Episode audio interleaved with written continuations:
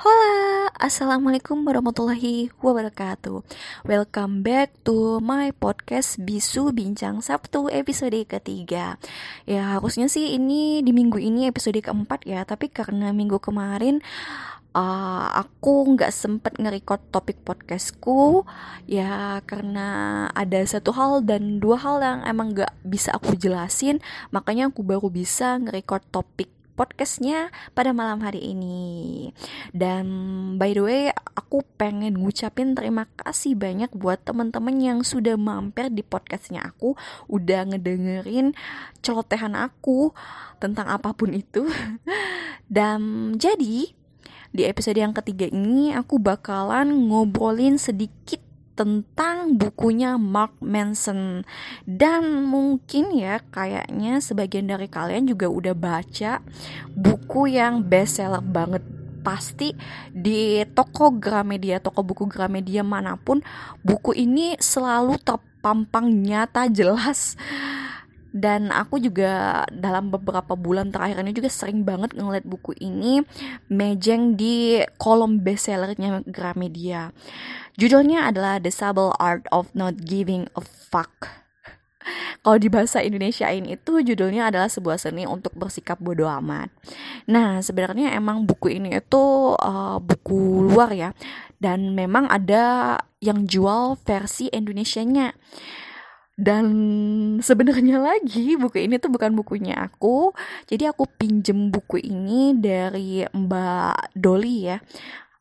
Uh, di beliau itu pegawai di bidang yang berbeda di kantorku dan sekarang baru mutasi di mutasi ke Padang yang mana Padang itu adalah home base-nya. Jadi aku ngebuat topik podcast kali ini itu sekaligus pengen ngucapin rasa terima kasih aku juga kepada Mbak Doli yang sudah mengenalkan aku sama buku Mark Manson yang satu ini. Ya, dan tentunya juga ngobrolin tentang buku ini itu nggak lepas dari subjektivitasku sendiri ya. Hmm, Oke, okay, let's start. Aku pribadi jujur banget awal aku baca buku ini tuh sedikit ngebosenin karena translate-nya yang menurut aku itu agak ngeganggu karena translate-nya tuh kesannya kaku banget gitu loh ya makin ke belakang aku semakin mencoba untuk memahami gimana penyampaian Mark Manson jika di bahasa Indonesiain. Makin ke belakang juga aku uh, awalnya agak sulit tapi makin lama makin ngikutin irama buku ini mau ke, dibawa kayak dibawa kayak gimana sih gitu loh. Dan memang Mark Manson menceritakan bukunya ini dengan pengalaman-pengalaman yang dialami dirinya dan tentu orang sekitarnya. Gaya penulisan dari Mark Manson ini nggak langsung tertuju kepada poin gimana sih biar bisa jadi orang yang bodoh amat. Uh, aku pribadi kan tipe orang yang suka sama buku-buku yang to the point gitu ya. Mungkin agak kurang cocok bagi aku yang ngebacanya, tapi sejauh ini ya karena aku udah menyelesaikan bukunya uh, aku oke-oke aja sih mengebaca bukunya dan uh, bisa mengambil beberapa poin penting dari yang disampaikan oleh Mark Manson lewat bukunya ini. Mungkin juga sih versi Inggrisnya itu lebih enak dibaca ya karena aku pribadi memang jujur banget ya versi Indonesia ini agak kaku dan susah bagi aku untuk memahami banget cerita ini tuh mau dibawa ke mana gitu loh. Uh, mungkin ke depannya aku bakal coba-coba juga cari-cari buku ini versi yang versi Inggrisnya. Nah, oke okay, uh, teman-teman jadi ada beberapa hal yang kayak aku bilang tadi, aku bisa ambil hikmahnya yang bisa aku jadikan pelajaran setelah ngebaca buku karyanya Mark Manson ini. Dan yang poin penting yang sangat aku garis bawahi ya, bukunya Mark Manson ini sama kayak bukunya Om Piring yang filosofi teras. Mereka uh, ngambil topik self improvement tapi bukan dicekoki dengan kalimat-kalimat positif. Melainkan kalimat-kalimat negatif yang karena basicnya di buku ini itu mereka uh, Mark Manson ini berpendapat bahwa semua hal positif yang menimpa diri kita itu berasal dari hal negatif. Makanya dia mencoba mengulik masalah-masalah tersebut dari hal-hal yang negatif, hal-hal yang tidak mengenakan dari dirinya sendiri. Contohnya Uh, dan di buku ini juga itu ditekankan banget ke kita untuk fokus kepada hal yang kita pedulikan bukan malah sebaliknya. Memang agak paradok paradoks kan ya. Setelah baca buku ini tuh kayak aduh agak kebalik-kebalik gitu kan. Kita selalu dengar motivasi-motivasi yang self improvement itu selalu memberikan kata-kata yang positif, kata-kata yang negatif. Tapi di buku ini kita disajikan dengan kalimat-kalimat yang uh, tidak mencerminkan kalimat positif banget. Seperti kayak ada di subjudulnya itu bilang Anda tidak istimewa, uh, ternyata yang kita pikirkan itu salah dan sebagainya dan sebagainya. Nah, jadi poin-poin yang aku dapat pelajari dari buku ini adalah poin pertama, kebahagiaan itu berasal dari bagaimana kita memecah, memecahkan masalah. Nah, jadi Mark Manson sendiri mengungkapkan bahwa setiap orang itu memiliki masalah dan itu tidak akan pernah berhenti. Hanya saja kadang meningkat masalah tersebut atau bahkan sebaliknya. Di buku ini Mark Manson itu udah nekenin banget dari awal bahwa menjadi masa bodoh itu bukan menjadi acuh tak acuh, tetapi menjadi seseorang yang nyaman saat berbeda. Dan dan kalau ada masalah ya harus diselesaikan dan dipecahkan bukan malah dihindari. Fokusnya itu adalah gimana cara kita memecahkan masalah, bukan pada punya atau tidak punya masalah. Ya, dengan kata lain itu untuk merasakan bahagia, kita perlu sesuatu untuk dipecahkan. Jadi dengan kata lain, ya kita bukan mencari masalah ya, karena masalah itu pasti ada. Tinggal takarannya aja apakah masalahnya itu banyak atau sedikit dan fokus kita itu bukan ke banyak sedikitnya masalah tapi bagaimana cara kita menemukan solusi atas masalah-masalah yang menghadapi kita kemudian yang itu poin pertama ya jadi memang uh, kebahagiaan itu berasal dari bagaimana cara kita memecahkan masalah. Misalnya kalau kita kata ingin bahagia, kita pasti melewati proses yang menyusahkan kan uh, melewati proses yang menyakitkan. Nah, proses-proses tersebut harus kita lalui. Proses mas proses tersebut itu adalah masalah yang harus kita pecahkan gitu. Bagaimana supaya kita mencapai puncak kebahagiaan. Nah, kemudian poin kedua adalah you are not special as you think. Kamu itu tidak istimewa Mark Manson sangat tegas sekali menulis subbagian atau subjudul di bukunya bahwa kamu itu tidak istimewa. Kenapa sih uh, pola pikir kamu itu tidak istimewa itu harus ditanamkan ke diri kita karena dengan kalian merasa istimewa kalian akan berpikir bahwa kalian itu bisa segalanya dan lebih baik bahkan dari orang lain sehingga ujuk-ujuknya itu tidak mau nge-improve diri lagi karena tadi udah berpikir kita itu udah merasa istimewa dan tak terkalahkan kan. Nah di buku ini kita tuh ditekankan untuk berpikir bahwa kita sama sekali nggak istimewa. Walaupun kamu memiliki bakat tertentu, ya barangkali juga kan masih rata-rata kalau dibandingkan dengan orang yang punya bakat sama seperti kamu juga kan. Jadi kata Mark Manson sendiri, uh, di luar sana itu banyak orang yang berhasil menjadi unggul di suatu bidang tertentu bukan karena mereka yakin bahwa diri mereka istimewa, tetapi mereka menjadi luar biasa karena mereka sangat terobsesi dalam melakukan perbaikan. Nah, jadi di poin ini kita tuh kayak di wanti-wanti banget ditekankan bahwa kita harus bersikap masa bodoh akan keyakinan kita sebagai sosok yang istimewa karena fokus kita itu adalah menjadi orang yang selalu senang dalam melakukan perbaikan bukan uh, selalu merasa istimewa sehingga tidak berniat untuk melakukan perbaikan lagi. Nah, itu poin yang kedua. Di poin yang ketiga adalah kita selalu memilih. Ya, pernah mendengar kata bahwa tidak memilih juga merupakan sebuah pilihan? Ya, dan ternyata itu benar. Kita semua ini di dunia ini pasti selalu dihadapkan dengan pilihan. Jika Anda punya masalah, kemudian Anda menghindar, ternyata itu juga adalah pilihan. Ya, mungkin kita berpikir dengan menghindari masalah tersebut kita akan bebas dan lega. Ternyata kita bisa jadi gak tenang kan ya, kepikiran dan sebagainya dan sebagainya. Maka dari itu semua keputusan itu ada di kita sendiri. Kita yang mengontrol apa yang uh, berada dalam kuasa kita gitu loh. Kita tidak benar benar bisa menghindari masalah. Kita hanya bisa membuat prioritas terhadap masalah yang menimpa kita ya dengan kata lain mana yang kita harus berikan effort yang besar untuk masa tersebut mana yang kita kasih effortnya kecil atau biasa saja gitu kan jadi ya, balik lagi tidak semua hal yang harus kita pedulikan prioritaskan mana masalah yang emang berdampak pada hidup kalian mana yang enggak? Dan ketika kalian sudah menentukan prioritasnya pecahkan masalah tersebut.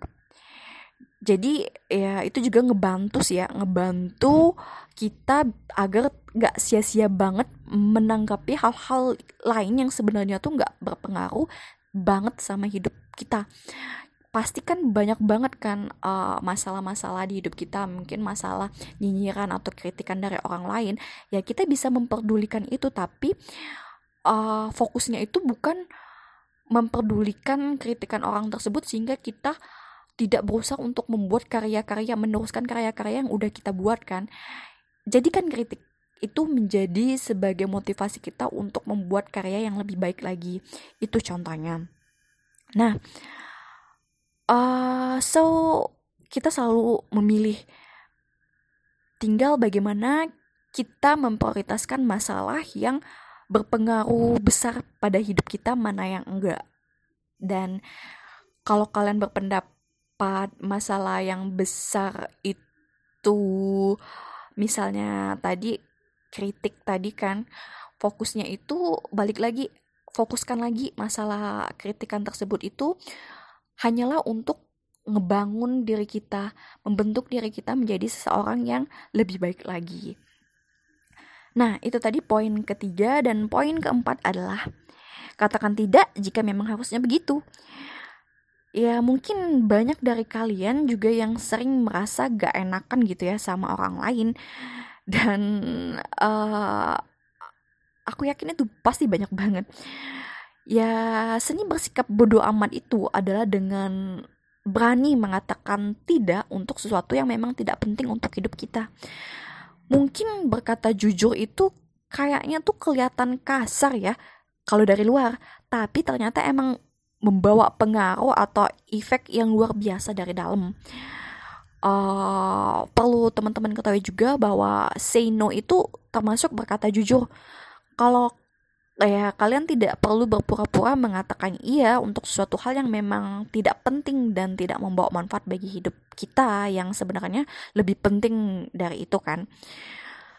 Mungkin memendam penolakan atau menghindari penolakan tersebut sering ditawarkan sebagai obat untuk membuat hidup kita lebih baik kan tapi ternyata hal tersebut tuh apa ya memang akan membuat kita nyaman sih nyaman tapi hanya sesaat karena kita bakal lama kelamaan merasa kehilangan arah dan tujuan hidup kita karena concern kita itu kepada uh, kebahagiaan orang lain bukan kebahagiaan kita karena kita selalu takut untuk mengatakan tidak terhadap tawaran-tawaran orang lain misalnya.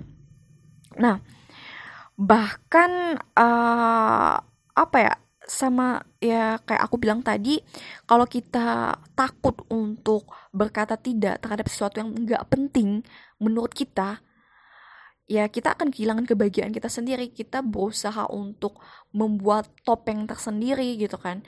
Kita nggak benar-benar nyata nggak benar-benar tulus apa adanya. Ya oleh sebab itu makanya it's okay mm, it's okay untuk berkata tidak. Karena uh, say no itu bentuk cinta dan kasih sayang pada diri kita sendiri sih. Bentuk cinta kita pada hidup kita yang lebih penting dari yang lainnya. Dan uh, mungkin empat itu saja ya yang jadi poin penting yang yang dapat aku pelajari dari bukunya Mark Manson sebuah seni bersikap untuk bersikap bodoh amat. Dan uh, balik lagi sih. Di buku ini itu sebenarnya pencer penceritaannya itu bagus sih. Tapi memang karena mungkin aku ngebaca buku ini buku translatean ya bukan yang asli versi Inggrisnya jadinya aku agak susah memahaminya gitu loh. Padahal poin-poin yang dibahas oleh Mark Manson ini itu bagus banget. Contohnya kayak tadi kan yang kita uh, sebaiknya itu penting untuk berkata tidak kalau memang itu tidak penting bagi hidup kita. Dan kemudian yang tadi semua orang tuh berhak semua orang tuh pasti memilih kan memilih untuk memprioritaskan yang mana terlebih dahulu mana yang enggak gitu uh, overall sih aku merasa buku ini bagus untuk dibaca teman-teman dalam rangka pengembangan diri kalian sih. Dan sama kayak bukunya filosofi teras Henry Manampiring ya.